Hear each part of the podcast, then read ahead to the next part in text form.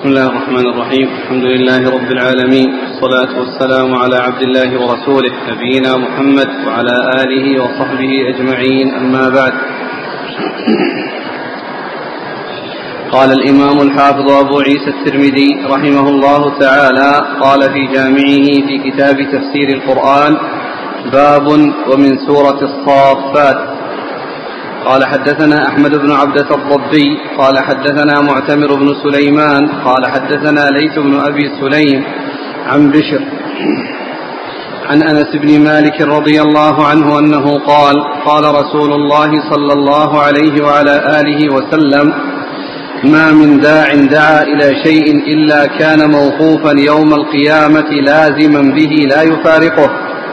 وإن دعا رجل رجلا ثم قرأ قول الله وقفوهم إنهم مسؤولون. ما لكم لا تناصرون. قال أبو عيسى هذا حديث غريب. ما من؟ ما من داع دعا إلى شيء إلا كان موقوفا يوم القيامة لازما به لا يفارقه. وإن دعا رجل وإن دعا رجل رجلا ثم قرأ قول الله بسم الله الرحمن الرحيم الحمد لله رب العالمين وصلى الله وسلم وبارك على عبده ورسوله نبينا محمد وعلى آله وأصحابه أجمعين. أما بعد فهذا الحديث الذي أورده الترمذي رحمه الله في تفسير سورة الصافات يتعلق بالدعوة يعني كون الإنسان يدعو غير الله عز وجل فإنه يحشر معه ويكون معه. وهذا إنما يكون في حق من عبد من دون الله وهو راضي أو دعا الناس إلى عبادة نفسه وكالحجارة. وأما من عبد وهو ليس كذلك كالملائكة والرسل فإن هؤلاء الله عز وجل جعلهم في المنزلة العلية وإنما يكون من عبدهم هو الذي يكون في النار. كذلك أيضا من دعا إلى إلى إلى خير من دعا إلى سوء فإنه آآ آآ آآ يكون من استجاب لدعوته وصار في الضلالة فإنه يكون وإياه. من المعذبين وكذلك أيضا إذا إذا آآ آآ إذا دعا يعني إلى غير هدى وإنما دعا إلى ضلالة فإنه يكون معذبا في النار لدعوته إلى غير الله عز وجل وإلى وإلى غير الهدى الذي جاء عن الله عز وجل. فالحديث في إسناده ضعف لأن فيه ليث بن أبي سليم وهو ممن اختلط. من إيش؟ اختلط جدا ولم يتميز. لا ولم يتميز فترك. ولم يتميز فترك. وكذلك الراوي شيخه أيضا فيه كلام فالحديث غير ثابت ولكن كون ال ال ال من عبد غير الله عز وجل يكون هو معبود في النار هذا جاء في القرآن انكم ما تعبدون من دون حصب جهنم أنتم لها واردون ويستثنى من ذلك الذي سبقت لهم من, من, من الله الحسنى فإنهم وإن عبدوا من دون الله عز وجل فإن وهم وهم متبرئون من هذا الذي فعله من فعله فيهم فإن هؤلاء هم في الجنة ولا يكونون في النار وإنما وإنما الذي يكون في النار العابدون العابدون وكذلك من عبدوهم ممن رضي بذلك أو دعا إلى ذلك أو كان من الحجارة فإنه ان العابد والمعبود يكون في النار. وكذلك أيضا من دعا إلى ضلالة فإن الداعي والمدعو هم من أهل النار ويستحقون النار. وقد قال عليه الصلاة والسلام من دعا إلى هدى كان له من أجر مثل اجر من تبعه لا ينقص ذلك من اجورهم شيئا. ومن دعا إلى ضلالة كان عليه من الاثم مثل آثام من تبعه لا ينقص ذلك من آثامهم شيئا. فمن دعا إلى الخير فالداعي والمدعو آه، هم على خير وهم من أهل الجنة ويعني ينتهي أمرهم إلى الجنة. ومن دعا إلى ضلالة فإنه يكون الداعي والمدعو في النار. وإذا كانت الضلالة مكفرة فإن الداعي والمدعو الذي استجاب له يكون في النار أبدا وإذا كانت غير مكفرة فتكون من جملة الذنوب والمعاصي التي يطهر صاحبها في النار إذا شاء الله تعذيبه ثم يخرج منها ويدخل الجنة. نعم أعجل مثل. ما من داع دعا إلى شيء إلا كان موقوفا يوم القيامة. لازما به لا يفارقه. وإن دعا رجل رجلا. يعني قوله إن دعا رجلا رجلا يعني إذا كان المقصود بالدعوة كونه يدعوه ويرجوه ويعبده فإنه كما قال الله عز وجل إنكم ما تعبدون إلا حصب جهنم. وأما إذا كانت الدعوة دعوة, دعوة إلى الخير أو دعوة إلى الشر فإن الداعي إلى الخير والمستجيب له يكون من أهل السعادة ومن أهل النجاة وإذا كان الداعي من أهل السوء ومن أهل الضلال واستجاب له من استجاب له فإنهم يكونون من أهل النار.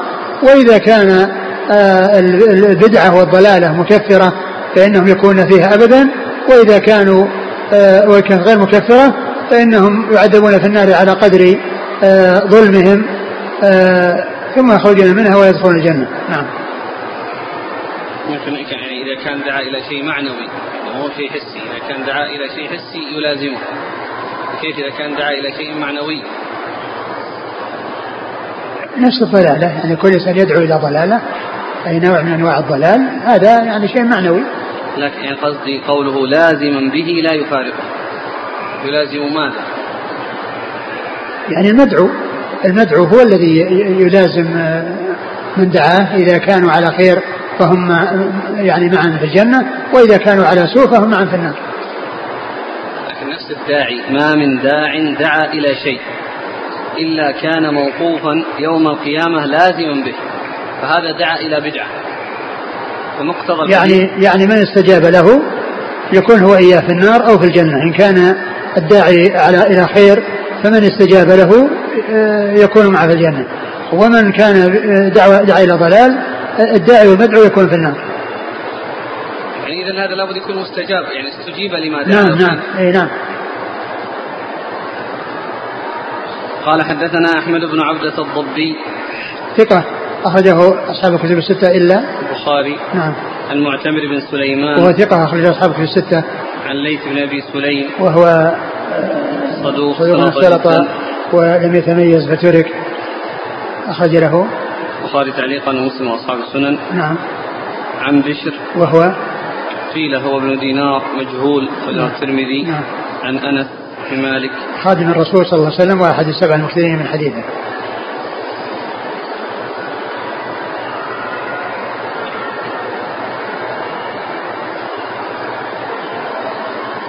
قال حدثنا علي بن حجر قال أخبرنا الوليد بن مسلم عن زهير بن محمد عن رجل عن أبي العالية عن أبي بن كعب رضي الله عنه أنه قال سألت رسول الله صلى الله عليه وآله وسلم عن قول الله عز وجل عن قول الله تعالى وأرسلناه إلى مائة ألف أو يزيدون.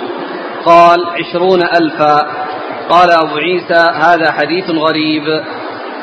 ثم أبو عيسى هذا الحديث عن أبي بن كعب رضي الله عنه في قول الله عز وجل في عن عن يونس عليه الصلاة والسلام أرسلناه إلى مئة ألف أو يزيدون. قال يعني يزيدون عشرين ألفا على المئة ألف.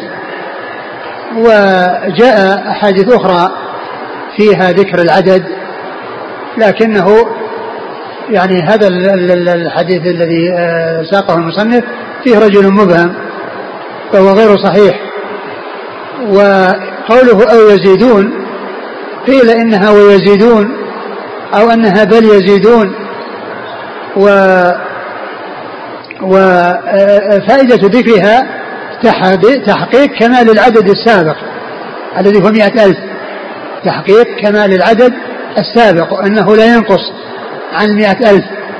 ويعني وقد يزيد لكن ال ال ال ال ال الذي يستفاد من هذه العبارة أن أن المتقدم أنه محقق وأنه لا نقص فيه وأن هذا العدد يكون كاملا والمعنى أن أنهم مئة ألف بل يزيدون.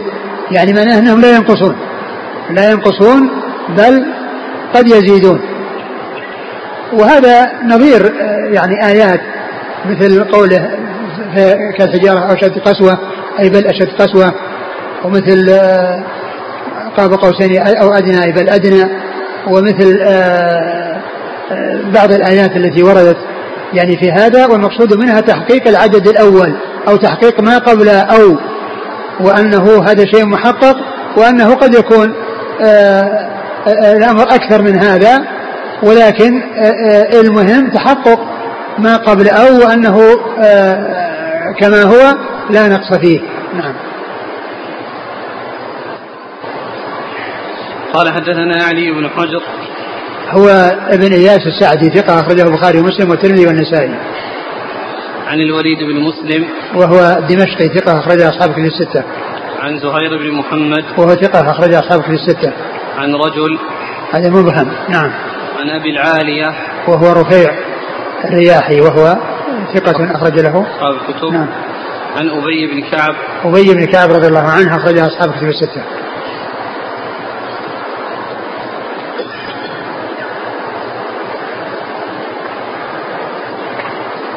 ماذا الحديث له ما يقويه نعم.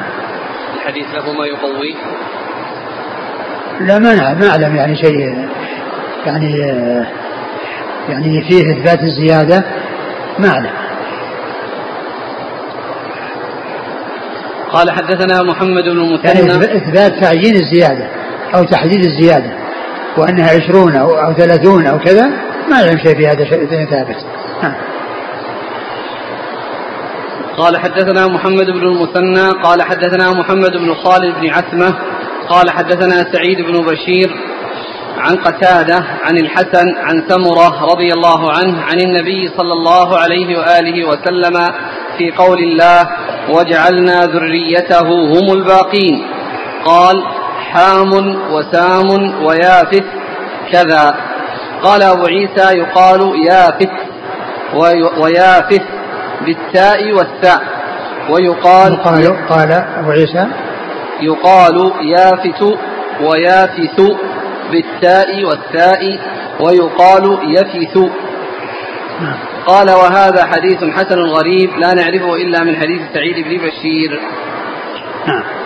قال حدثنا بشر بن معاذ العقدي قال حدثنا يزيد بن زريع عن سعيد بن أبي عروبة عن قتادة عن الحسن عن سمرة رضي الله عنه عن النبي صلى الله عليه وآله وسلم أنه قال سام أبو العرب وحام أبو الحبش ويافث أبو الروم. انتهى؟ نعم. آه ثم ذكر أبو عيسى هذا الحديث آه، المتعلق بذرية نوح عليه الصلاة والسلام وأنهم وأنه أولاد ثلاثة هم سام وحام ويافث وأن كل واحد منهم أبو يعني لقبيلة أو لجماعة فسام أبو العرب وحام أبو وحام أبو الحبش. أبو الحبش ويافث أبو الروم و هذا الحديث وكذلك الحديث الذي قبله من رواية الحسن عن سمرة. ومعروف أن رواية الحسن عن سمرة آه، يعني أنه لم يسمع منه وإنما سمع من حديث عقيقة. وأما ما عدا ذلك فإنه آه لا بد من ثبوته عن طريق التصريح بالسماع لأنه مدلس. لأنه الحسن مدلس والمدلس لا يقبل ما حدث به إلا ما صرح فيه بالسماع والذي آه، ثبت آه، في من سماعه آه، هو ما جاء في حديث العقيقة. وأما غير ذلك فإن الأصل هو أن لا يقبل إلا إذا وجد شيء يدل على حصول التصريح بالسماع من الحسن عن سمرة. وهذا هذان الإسنادان هما من هذا القبيل. وفي أحدهما زيادة آه، رجل يعني ضعيف وهو الإسناد الأول فإن فيه رجل ضعيف. نعم. قال حدثنا محمد بن المثنى. محمد المثنى أبو موسى العنزي الملقب الزمن ثقة أخرج أصحاب الكتب بل هو شيخ لأصحاب الكتب. عن محمد بن خالد بن عتمة. وهو؟ صدوق يخطئ. نعم. أصحاب السنن. نعم. عن سعيد بن بشير. وهذا ضعيف. أخرج أصحاب السنن. نعم. عن قتادة. قتادة من عمل السدوسي البصري ثقة أخرج أصحاب في الستة. عن الحسن. الحسن بن أبي الحسن البصري ثقة أخرج أصحاب في الستة. وسمرة بن جندب رضي الله عنه أخرج له أصحاب في الستة. قال حدثنا بشر بن معاذ العقدي. وهو؟ صدوق رجل الترمذي والنسائي وابن ماجه. نعم. عن يزيد بن زريع. وهو ثقة أخرج أصحاب كتب الستة. عن سعيد بن أبي عروبة. وهو ثقة أخرج أصحاب كتب الستة. عن قتادة عن حسن؟ نعم. نعم.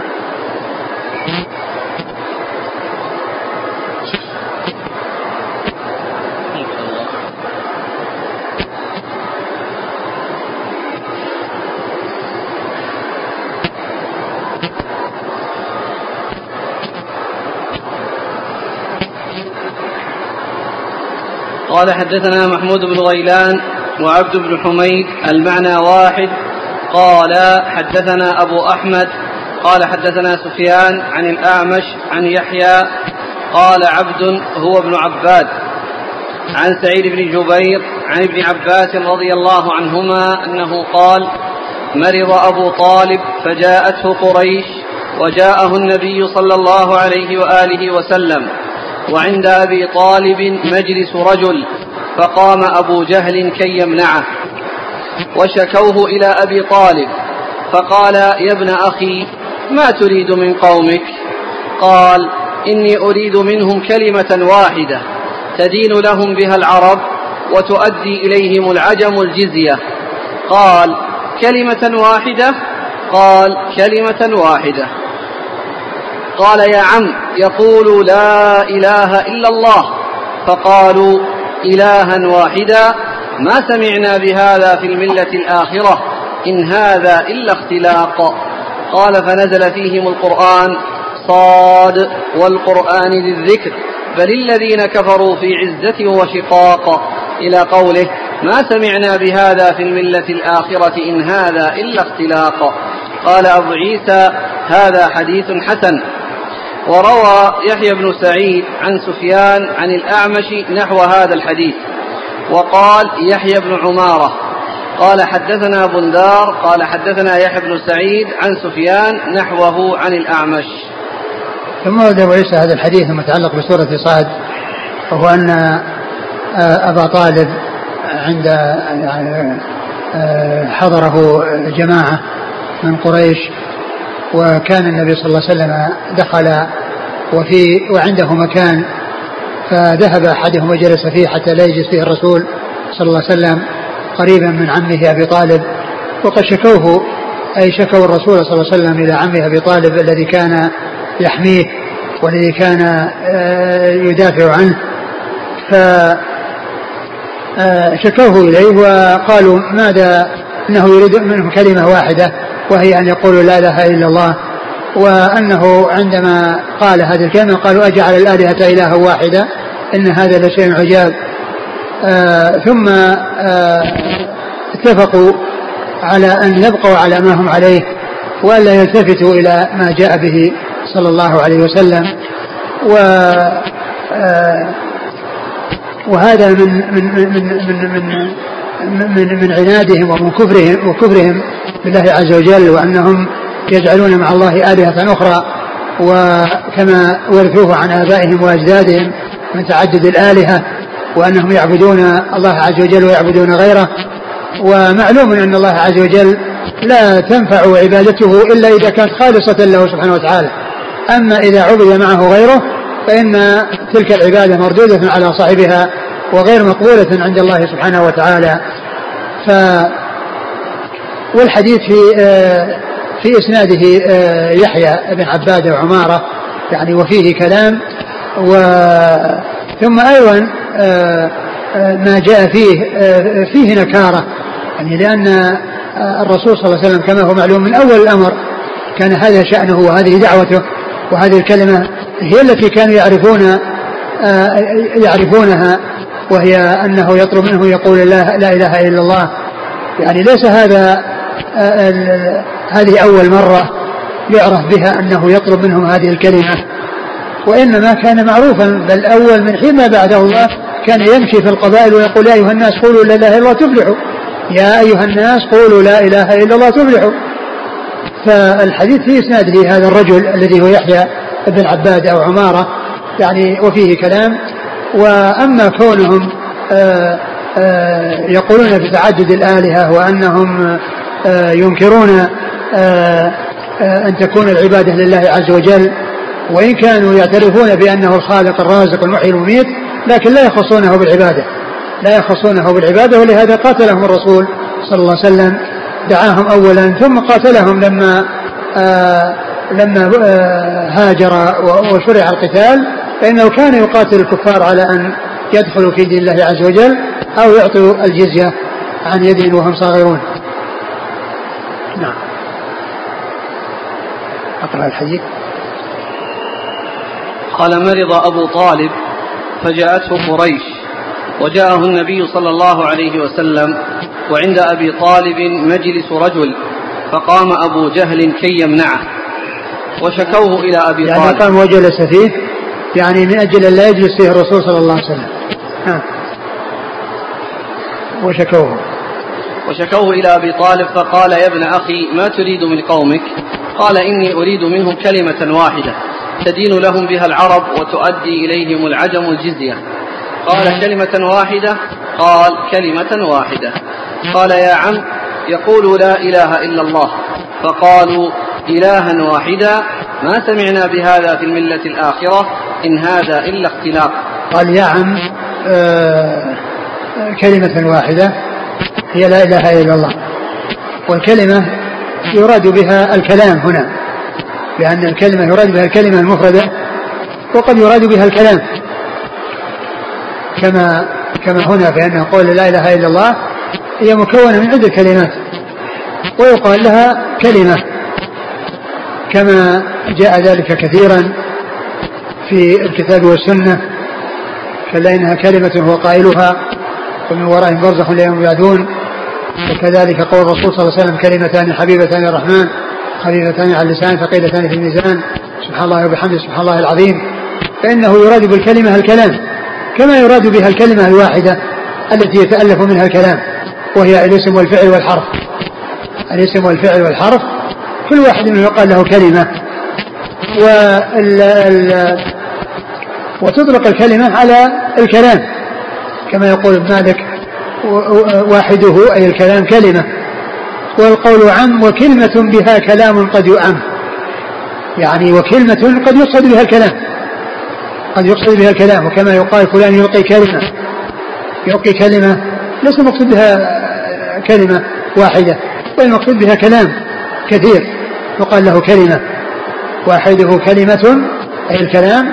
والقول عم يعني هو مثل الكلام يعني عام يشمل ال ال ال ال الكلمات المفردة وكلمة بها كلام قد يؤم يعني قد يقصد بها الكلام.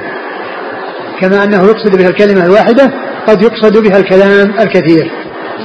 وكذلك قول الرسول أصدق كلمة قالها الشاعر كلمة لبيد ألا كل شيء ما خلى الله باطل؟ نعم. وبعدها قالوا ما سمعنا بهذا في الملة الآخرة. أجعل الآلهة إله واحدة. استفهام إنكار. ما سمعنا بهذا في الملة الآخرة.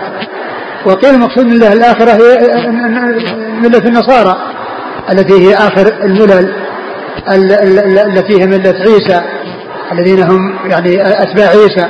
وقيل المقصود بها آباؤهم وأجدادهم. آباؤهم وأجدادهم يعني ملة الآباء والأجداد.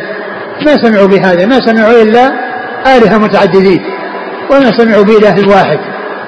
فقولة الملة الآخرة إما نقصد بها ملة عيسى أو ملة النصارى التي هي كونهم التي حرفت وبدلت وكانوا يعني يعبدون آلهة متعددة ويقولون بالتثليث و أو أن المقصود بذلك آباؤهم الذين هم على طريقتهم آه، سالكون وعلى منهجهم سائرون. وهي أنهم يعبدون آلهة شتى ولا يعبدون إلها واحدا ولهذا قال الله عنهم آه، أجعل الآلهة إله واحدا إن هذا لشيء عجاب.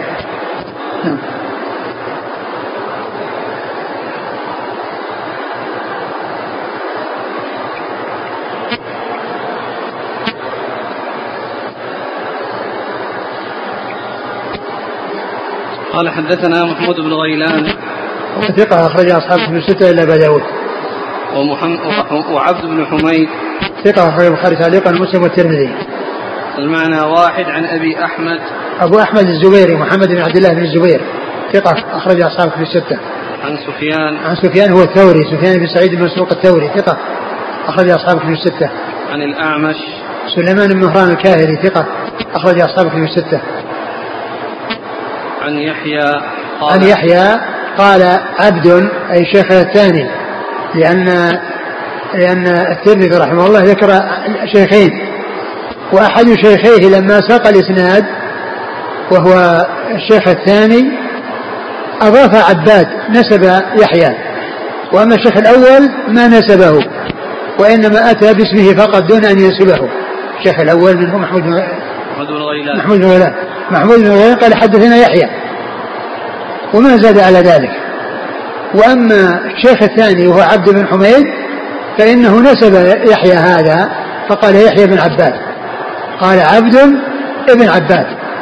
يعني يعني عند عند شيخ الترمذي الثاني زيادة على شيخ الأول وهي نسبة هذا الرجل بحيث ذكر اسم أبيه. وأما الأول ما ذكر اسم أبيه اللي هو محمود بن غيلان. قال يحيى قال عبد ابن عباد. نعم.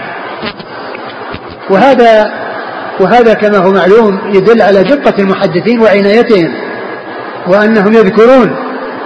يعني من ذكر الاسم كاملا ومن ذكره ناقصا من ذكره مهملا ومن ذكره منسوبا. فإذا إذا إذا إذا حدث آه، آه، المحدث عن شيخين وكان أحدهما في إسناده زيادة أو نقص فإنهم فإنهم يذكرون هذا. كما ذكر الترمذي رحمه الله في الإسناد حيث ذكر أن شيخه الثاني وهو عبد بن حميد نسب ذلك الشيخ الذي هو يحيى بن عباد والذي يروي عنه الأعمش. نعم. عن سعيد بن جبير مقبول أخرجه الترمذي والنسائي. هذا يحيى بن عباد. عن سعيد بن جبير سعيد بن جبير ثقة أخرج أصحابه في ستة عن ابن عباس عبد الله بن عباس رضي الله عنه أحد العباد الأربعة من الصحابة واحد السبع المكثرين من حديث رسول الله صلى الله عليه وسلم قال وروى يحيى بن سعيد يحيى بن سعيد القطان ثقة أخرج أصحابه في الستة.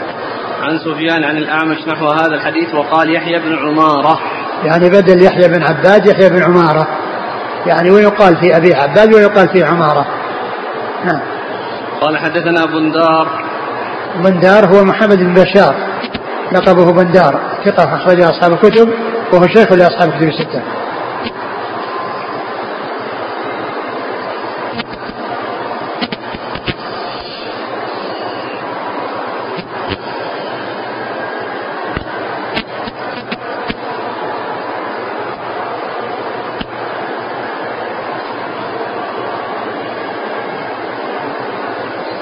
قال حدثنا سلمة بن شبيب وعبد بن حميد قال حدثنا عبد الرزاق عن معمر عن أيوب عن أبي قلابة عن ابن عباس رضي الله عنهما أنه قال قال رسول الله صلى الله عليه وعلى آله وسلم أتاني الليلة ربي تبارك وتعالى في أحسن صورة قال أحسبه في المنام فقال يا محمد هل تدري فيما يختصم الملأ الأعلى قال قلت لا قال فوضع يده بين كتفي حتى وجدت بردها بين ثديي أو قال في نحري فعلمت ما في السماوات وما في الأرض. قال يا محمد هل تدري فيما يختصم الملأ الأعلى؟ قلت نعم. قال في الكفارات.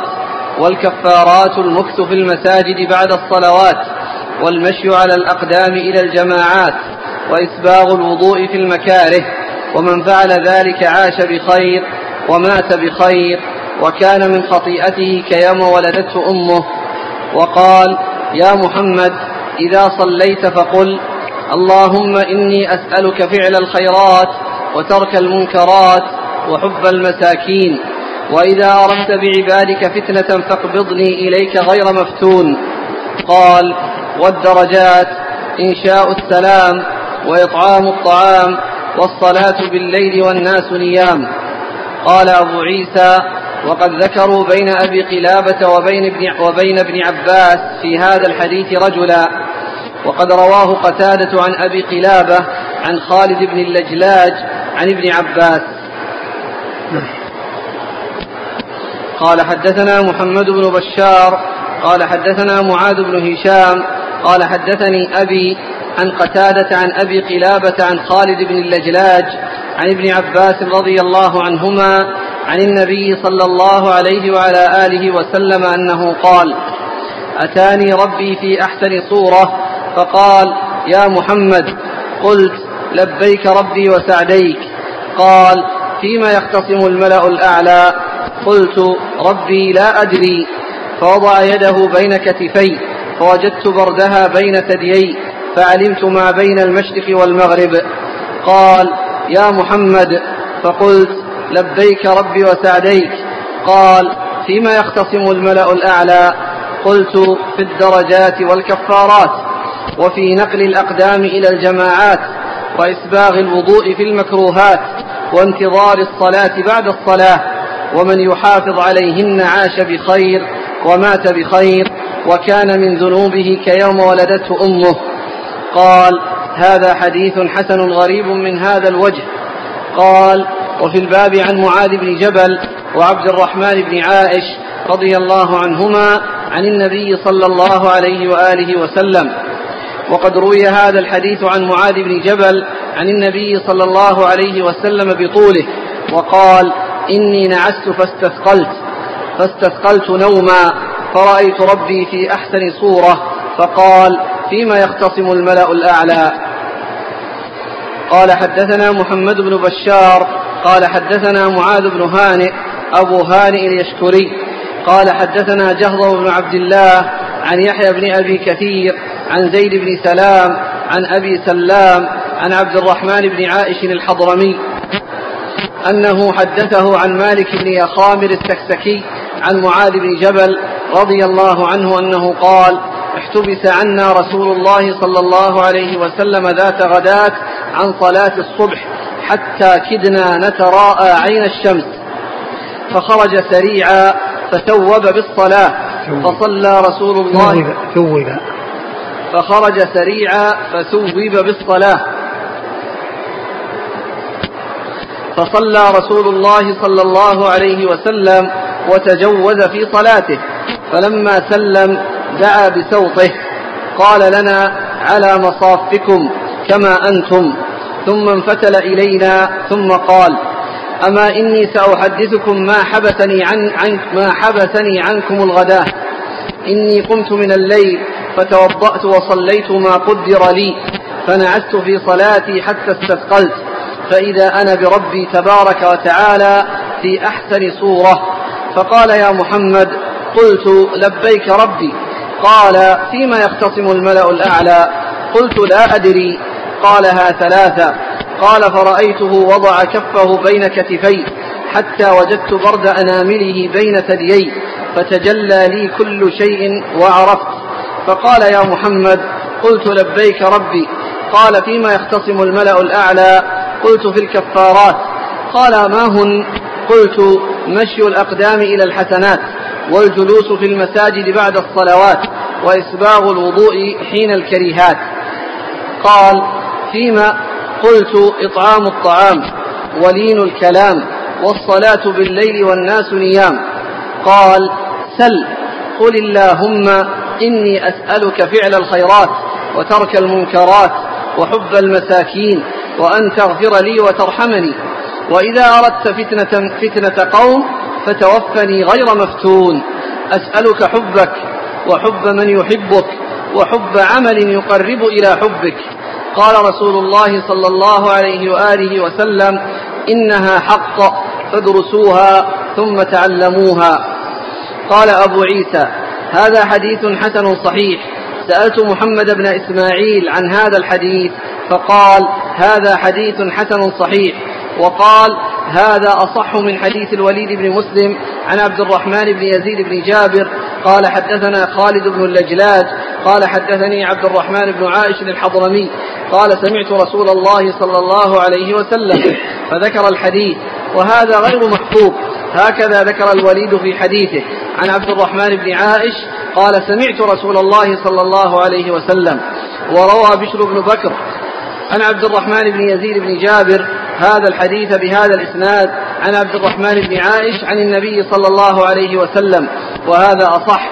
وعبد الرحمن بن عائش لم يسمع من النبي صلى الله عليه وآله وسلم.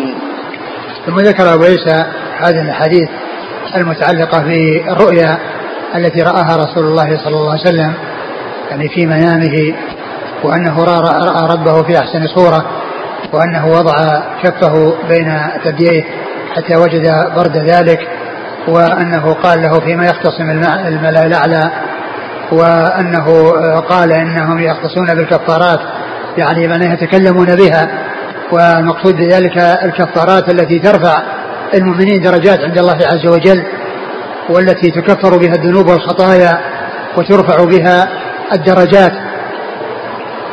ف آه، قال الكفارات إيش؟ هي الحديث الأول. المكث في المساجد بعد الصلوات والمشي. نعم المكث. هذا الحديث الأول. نعم. المكث في المساجد بعد الصلوات. يعني كل إنسان يصلي ويبقى في صلاته إما ينتظر الصلاة أو أنه يبقى يذكر الله عز وجل ويسبحه أو ينتظر الصلاة التي التي تليها. وقد جاء في الحديث أن الإنسان إذا إذا كان في ينتظر الصلاة فهو في صلاة ما انتظر الصلاة. وأن الملائكة إذا بقي في مصلاه تصلي عليه وتدعو له ما لم يؤذي أو يحدث ما لم يؤذي أو يحدث. فهو قبل الصلاة ينتظرها وهو في حكم المصلي. وكذلك بعد الصلاة فإن الملائكة تصلي عليه وتدعو له وتستغفر له ما لم يحصل منه إيذاء لأحد أو يحصل منه إحداث بأن يكون محدثا لأنه ليس في حكم المصلي. ليس في حكم المصلي من يكون محدثا وإنما الذي يكون مصليا أو في حكم المصلي هو الذي يكون على طهارة. المكث بعد الصلوات. والمشي على الأقدام إلى الجماعات. والمشي على الأقدام إلى الجماعات. يكون الإنسان يمشي إلى المساجد. وقد جاءت الأحاديث الصحيحة في أن الإنسان إذا مشى إلى المسجد يكتب الله تعالى بكل خطوة يخطوها. يرفع الله يرفعه الله بها درجة ويحط عنه خطيئة. يرفع الله له بها درجة ويحط عنه خطيئة. بل قد جاء في بعض الأحاديث ما يدل على أن ذلك في الذهاب والإياب. في ذهابه إلى المسجد وفي إيابه إلى بيته بعد لأنه جاء في قصة الرجل الذي كان قيل له لو اشتريت حمارا تركبه فقال إني أحب أن يكتب الله عز وجل لي ممشاي في ذهابي وإيابي حسنات فقال الرسول صلى الله عليه وسلم قد كتب الله لك ذلك كله. كتب الله لك ذلك كله يعني في ذهابك وإيابك. كل خطوة يخطوها إلى المسجد ذاهبا أو آيبا يرفع الله تعالى بها درجة ويحط عنه بها خطيئة. وهذا يدل على فضل الذهاب إلى المساجد و والحرص على حضور الجماعات لأنها لأن حضور الجماعة واجب ولازم. وقد جاءت أحاديث كثيرة تدل على الوجوب منها حديث همه بالتحريق لمن تخلف عن الصلاة صلاة الجماعة وقوله أن هذه من صفات المنافقين أتقول صلاة المنافقين صلاة العشاء وصلاة الفجر وكذلك من سمع من النداء فلم يجب فلا صلاة له إلا من عذر وكذلك الرجل الذي استأذن الرسول صلى الله عليه وسلم أن يصلي في بيته لأنه شاسع الدار وليس له قائد يلائمه. إلى المسجد فقال هل تسمع النداء؟ قال نعم قال فأجب. كل هذا يدل على وجوب الجماعة ويدل على أن الخطوات إلى المسجد ذهابا وإيابا.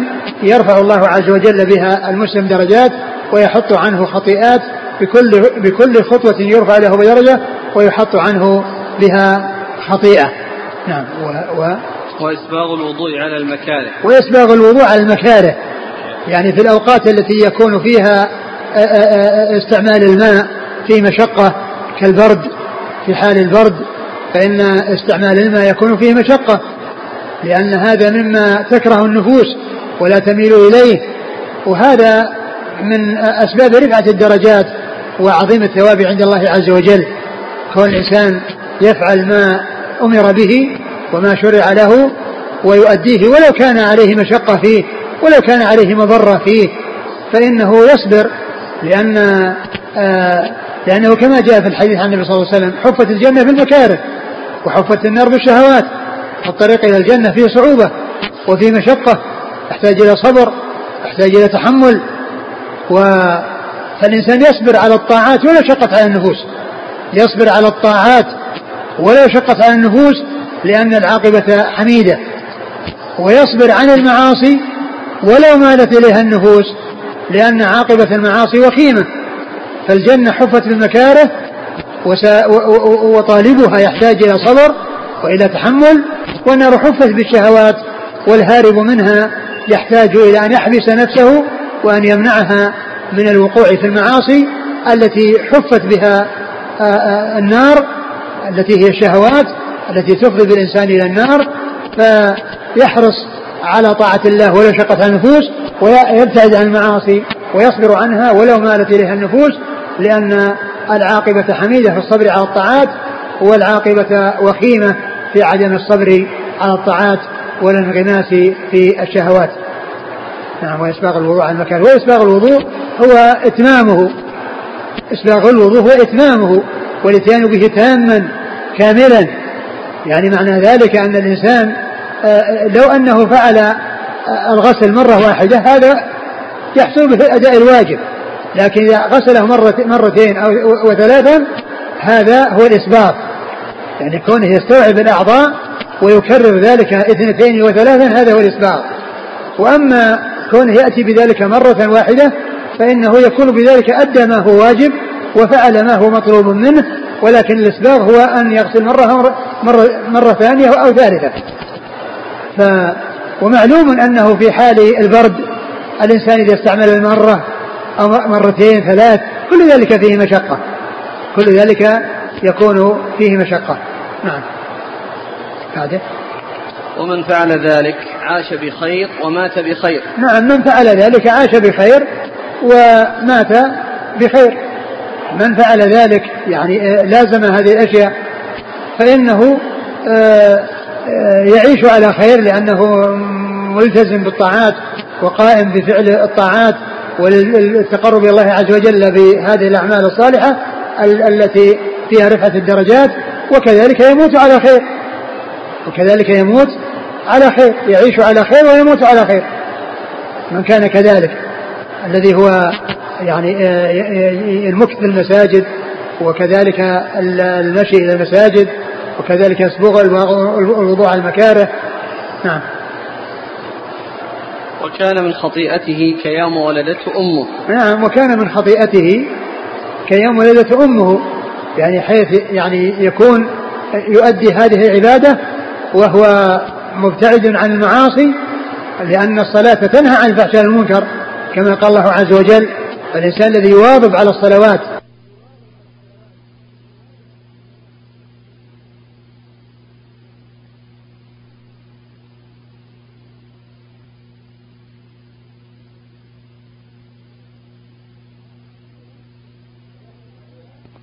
ويحرص عليها صلاته تنهاه عن المنكر لأنه إذا حدثته نفسه بسوء يتذكر لماذا يتردد عن المسجد؟ ولماذا يبادر للذهاب المسجد؟ ولماذا يمكث في المسجد؟ كل ذلك يرجو ثواب الله. فإذا ينبهه ذلك ويجعله يخشى الله عز وجل ويتقيه ويخشى من عقابه إذا وقع في معصيته فتكون صلاته تنهاه عن المنكر. إن الصلاة تنهى عن الفحشاء والمنكر نعم. وقد جاء في الحديث أن مثل الصلاة الخمس كمثل النهر الذي في باب أحدكم يغتسل منه كل يوم خمس مرات فإنه لا يبقى من درنه وسخه شيء. ما دام أنه ينغمس في هذا النهر ويغتسل فيه فإنه يبقى نظيفا. لا يبقى عليه درن فكذلك المعاصي والذنوب آه، تذهب ومعلوم أن هذا بالنسبة للصغائر وأما الكبائر لا بد فيها من توبة. لا بد فيها من توبة. ومن آه، وأما إذا كان مصرا على الكبائر فإن فإنه لا, ينف... لا, لا تكفرها الصلوات وهو لم يتب من هذه الكبائر بل هو مصر, مصر عليها ويفكر في هذا الأمر المحرم لو حصله وقع فيه فإن مثل ذلك لا تكفره الصلوات. ولهذا جاء النبي صلى الله عليه وسلم في بعض الأحاديث الجمعة إلى الجمعة ورمضان إلى رمضان ومكفرات لما بينهن ما اجتنبت الكبائر. مكفرات لما بينهن ما اجتنبت الكبائر. نعم. وقال يا محمد إذا صليت فقل اللهم إني أسألك فعل الخيرات وترك المنكرات وحب المساكين. آه هذا دعاء. يعني اللهم إني أسألك آه، فعل الخيرات. يعني وفقه لفعل الخيرات وأن يتقرب إلى الله بالأعمال الصالحة وترك المنكرات التي هي المحرمات لأن الأوامر لأن التكليف أوامر ونواهي. وتمت كلمة ربك صدقا وعدلا صدقا في الأخبار وعدلا في الأحكام. يعني في الأوامر والنواهي. فأخبارها صادقة أخباره صادقة وأحكامه عادلة. أخباره صادقة كل ما أخبر الله تعالى به فهو صدق وكل ما أمر به أو نهى عنه فهو عدل. والله عز وجل لما شرع الأوامر والنواهي الأوامر تمتثل والنواهي تجتنب جعل النواهي يجتنبها الإنسان لأنها ترك. وأما الأوامر لما كان فيها مشقة قيد ذلك بالاستطاعة ولهذا جاء في الحديث عن النبي صلى الله عليه وسلم قال إذا نهيتكم عن شيء فاجتنبوه وإذا أمرتكم بأمر فأتوا منه ما استطعتم. قيد الأمر بالاستطاعة لأنه قد يكون في مشقة.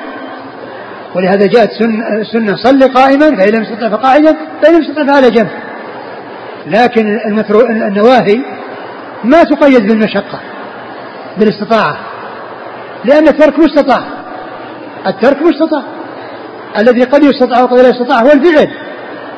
أما الترك فإنه مستطاع. إذا قيل لا تدخل مع هذا الباب لا تدخل مع هذا الباب. تستطيع أنك ما تدخل. لكن لو قيل لك اعمل هذه الصخرة قد تستطيع وقد لا تستطيع.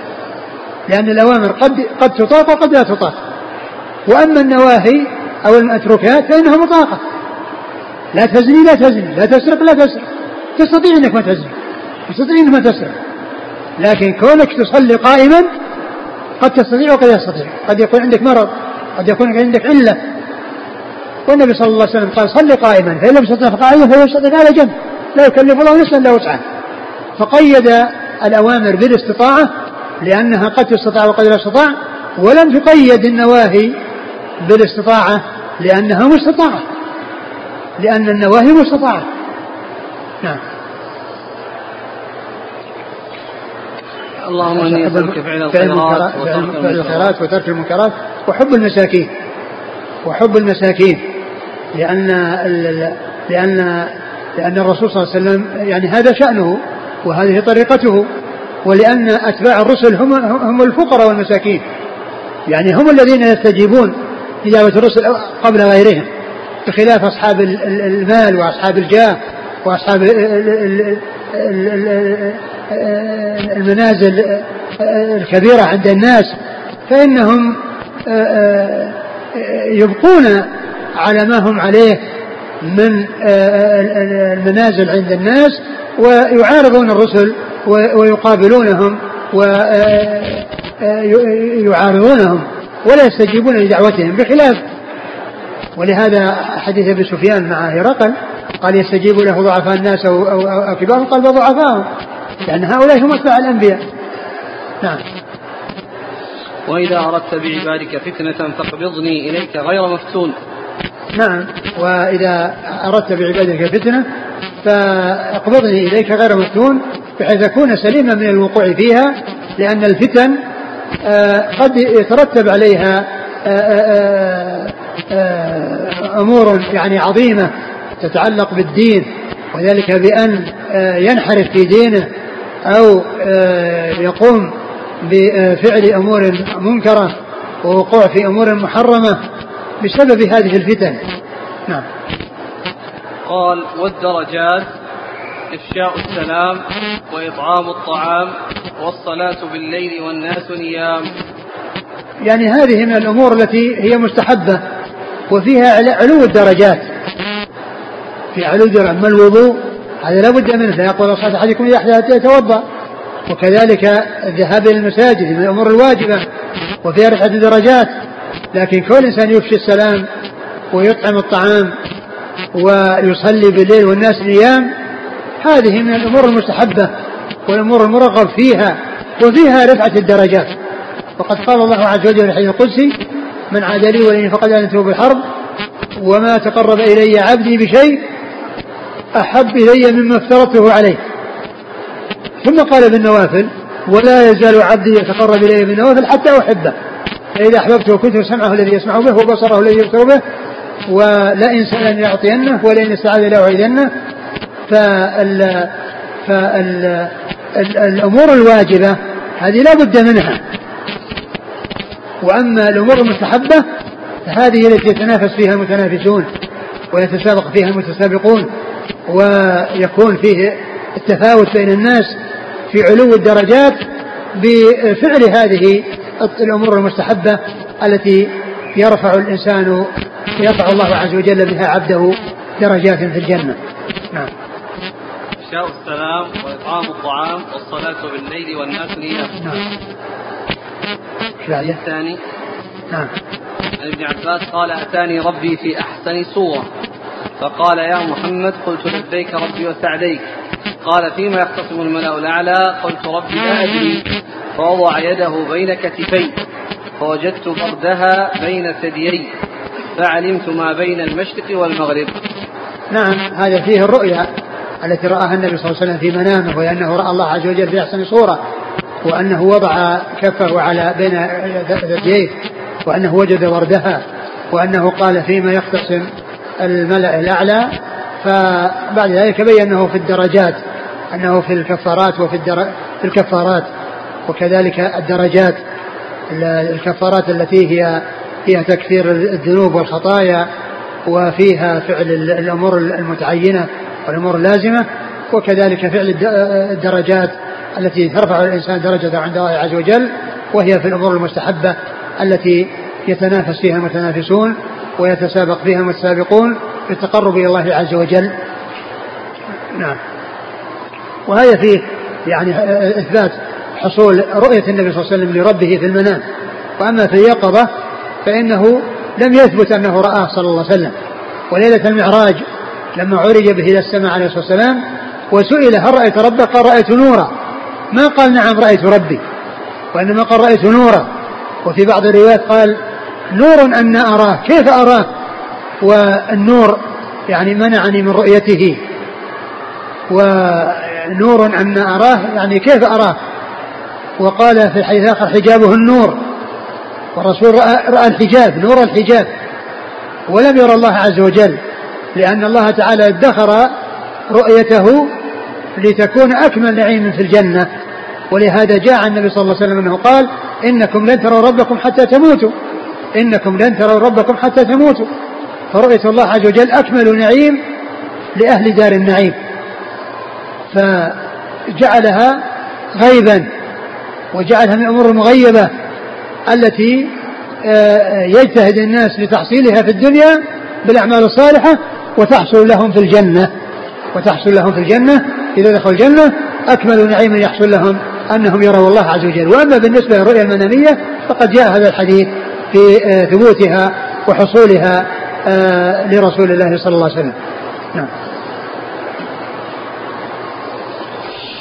قال فوضع يده بين كتفي فوجدت بردهما بين فوجدت بردها بين ثديي فعلمت ما بين المشرق والمغرب.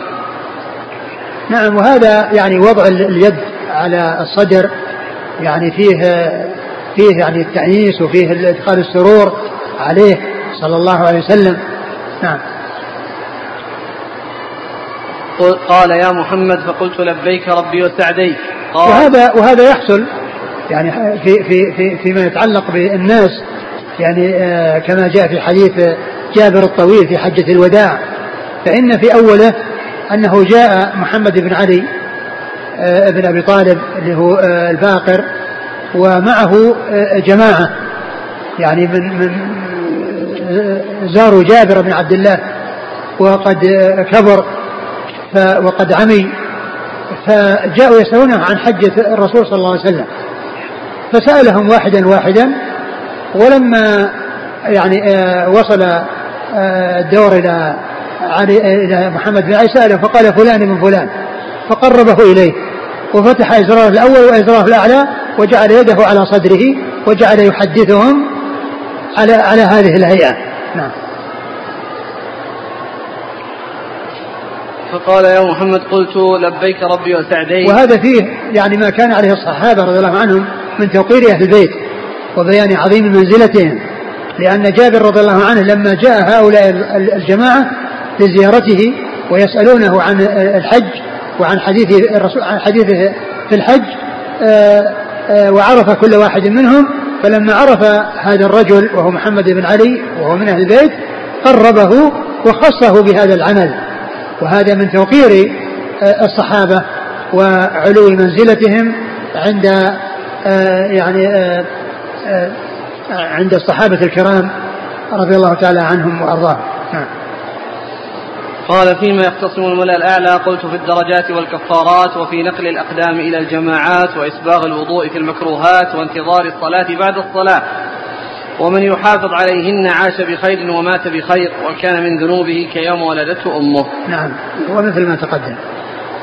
قال عن معاذ بن جبل قال احتبس عنا رسول الله صلى الله عليه وسلم ذات غداة عن صلاة الصبح حتى كدنا نتراءى عين الشمس. فخرج سريعا فثوب بالصلاة فصلى رسول الله صلى الله عليه وسلم وتجوز في صلاته. الرسول صلى الله عليه وسلم كما جاء في هذا الحديث احتبس يعني تأخر عنهم في الصلاة للخروج لصلاة الفجر حتى كادت تطلع الشمس. ثم إنه خرج عليهم مسرعا وثوب الصلاة يعني أقيم الصلاة لأن يعني تثويب هو الاقامة لأنه جاء في الحديث ان ان ان, أن المؤذن إذا أذن آه، يأتي الشيطان يوسوس للناس فإذا أذن المؤذن ولى وهرب. ثم يعود. فإذا ثوب بالصلاة يعني أقيمت الصلاة لأنه يعني جاء ذكر الله عز وجل هرب أيضا. فالتثويب هو الإقامة.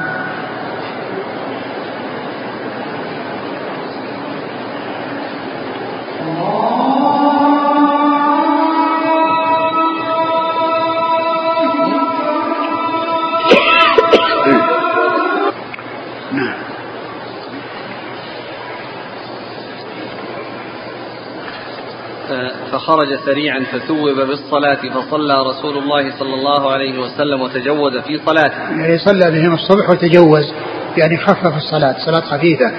نعم. فلما سلم دعا بصوته قال قال لنا على مصافكم. يعني قال ابقوا على مصافكم يعني كل واحد يبقى في مكانه وعلى هيئتكم في الصفوف. امكثوا يريد أن يحدثهم وأن يحدثهم بشيء. صلوات الله وسلامه وبركاته عليه. نعم. دعا بصوته. بصوته؟ نعم. نعم. خش. ما أدري والله. الصوت يعني يعني الحاجة إليه. ما أدري نعم ما أدري. آه الصاد. نسخ بالصاد فدعا بصوته. بصوته. ها؟ لكن أنا عندي بالسين والطاء بصوته. صوته. والنسخ الأخرى بصوته. بصوته بصوته. نعم. آه. فدعا بصوته. نعم. قال لنا على مصافكم كما أنتم ثم انفتل إلينا. انفتل يعني التفت إليهم نعم.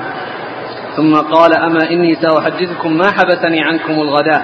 إني قمت من الليل فتوضأت وصليت ما قدر لي فنعست في صلاتي حتى استثقلت.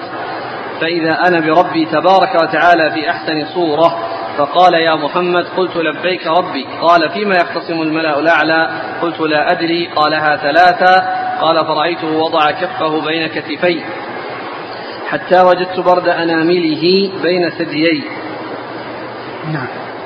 فتجلى لي كل شيء وعرفت فقال يا محمد قلت لبيك ربي قال فيما يختصم الملأ الأعلى قلت في الكفارات قال ما هن؟ قلت مشي الأقدام إلى الحسنات. والجلوس في المساجد بعد الصلوات وإسباغ الوضوء بين حين الكريهات. قال فيما قلت إطعام الطعام ولين الكلام والصلاة بالليل والناس نيام. قال سل قل اللهم إني أسألك فعل الخيرات وترك المنكرات وحب المساكين وأن تغفر لي وترحمني. وإذا أردت فتنة قوم فتوفني غير مفتون. أسألك حبك وحب من يحبك وحب عمل يقرب إلى حبك. وهذا فيه أيضا هذا الدعاء. اللهم نسألك حبك وحب من يحبك وحب عمل يقربني إلى حبك. يعني فهو يسأل الله عز وجل أن يجعل في قلبه محبة الله عز وجل وأن كذلك يحب من يحب يحبه الله عز وجل. ولهذا جاء في حديث آخر عن أنس ثلاث من كن فيه وجد بهن حلاوة الإيمان الإيمان أن يكون الله ورسوله أحب إليه ما سواهما. وأن يحب المرء لا يحبه إلا لله. وأن يحب المرء لا يحبه إلا لله. وأن وأن يعود في الكفر وأن يكره أن يعود في الكفر بعد أن قذفه الله منه كما يكره أن يقذف في النار. فإذا قوله أسألك حبك يعني أن يعني يمكن أن يكون المقصود آه، آه، كونه يجعل في قلبه محبة الله عز وجل أو أنه هو الله عز وجل هو الذي يحبه فيكون محبوبا لله سبحانه وتعالى. وقوله وحب من يحبك يعني من آه، من يكون مطيعا لله عز وجل ومن هو محب لله عز وجل يحبه. قال وأن يحب المرء لا يحبه إلا لله في حديث آخر. وحب عمل يقربني إلى حبك الأعمال الصالحة التي تقرب إلى محبة الله عز وجل وأن ذلك محبوب لله وأن الإنسان يكون متصف بمحبة الله وأن يكون الله تعالى يحبه. نعم.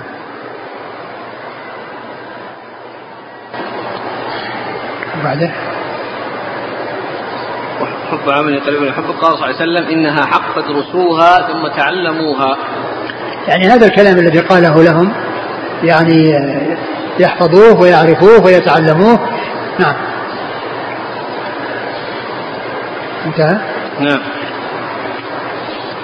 نعم والرجال آه آه هذا هذا الحديث المتعلق باختصام الملأ الأعلى شرحه الحافظ بن رجب في جزء اسمه اختيار الأولى في شرح حديث اختصام الملأ الأعلى لأن ابن رجب له أجزاء حديثية يعني يتكلم فيها ببيان الآثار عن السلف في موضوع آه، الحديث وفي ما يتعلق بالحديث الذي يشرحه فهو يعنى بالآثار عن السلف المتعلقة في موضوع الحديث الذي يشرحه. واسم الرسالة الحديث مطلوع الجزء مطبوع باسم اختيار الأولى في شرح حديث اختصام الملأ الأعلى الحافظ ابن رجب رحمه الله. نعم. قال حدثنا سلمة بن شبيب هو؟ ثقة رجل مسلم وأصحاب السنن. نعم. وعبد بن حميد عن عبد الرزاق. عبد الرزاق بن همام الصنعاني ثقة أخرج أصحاب في الستة. عن معمر. ابن راشد الأزدي البصري ثقة أخرج أصحاب في الستة. عن أيوب. ابن أبي تميمة السختياني ثقة أخرج أصحاب كتب الستة. عن أبي قلابة. وعبد الله بن زيد الجرمي ثقة أخرج أصحاب كتب الستة. عن ابن عباس.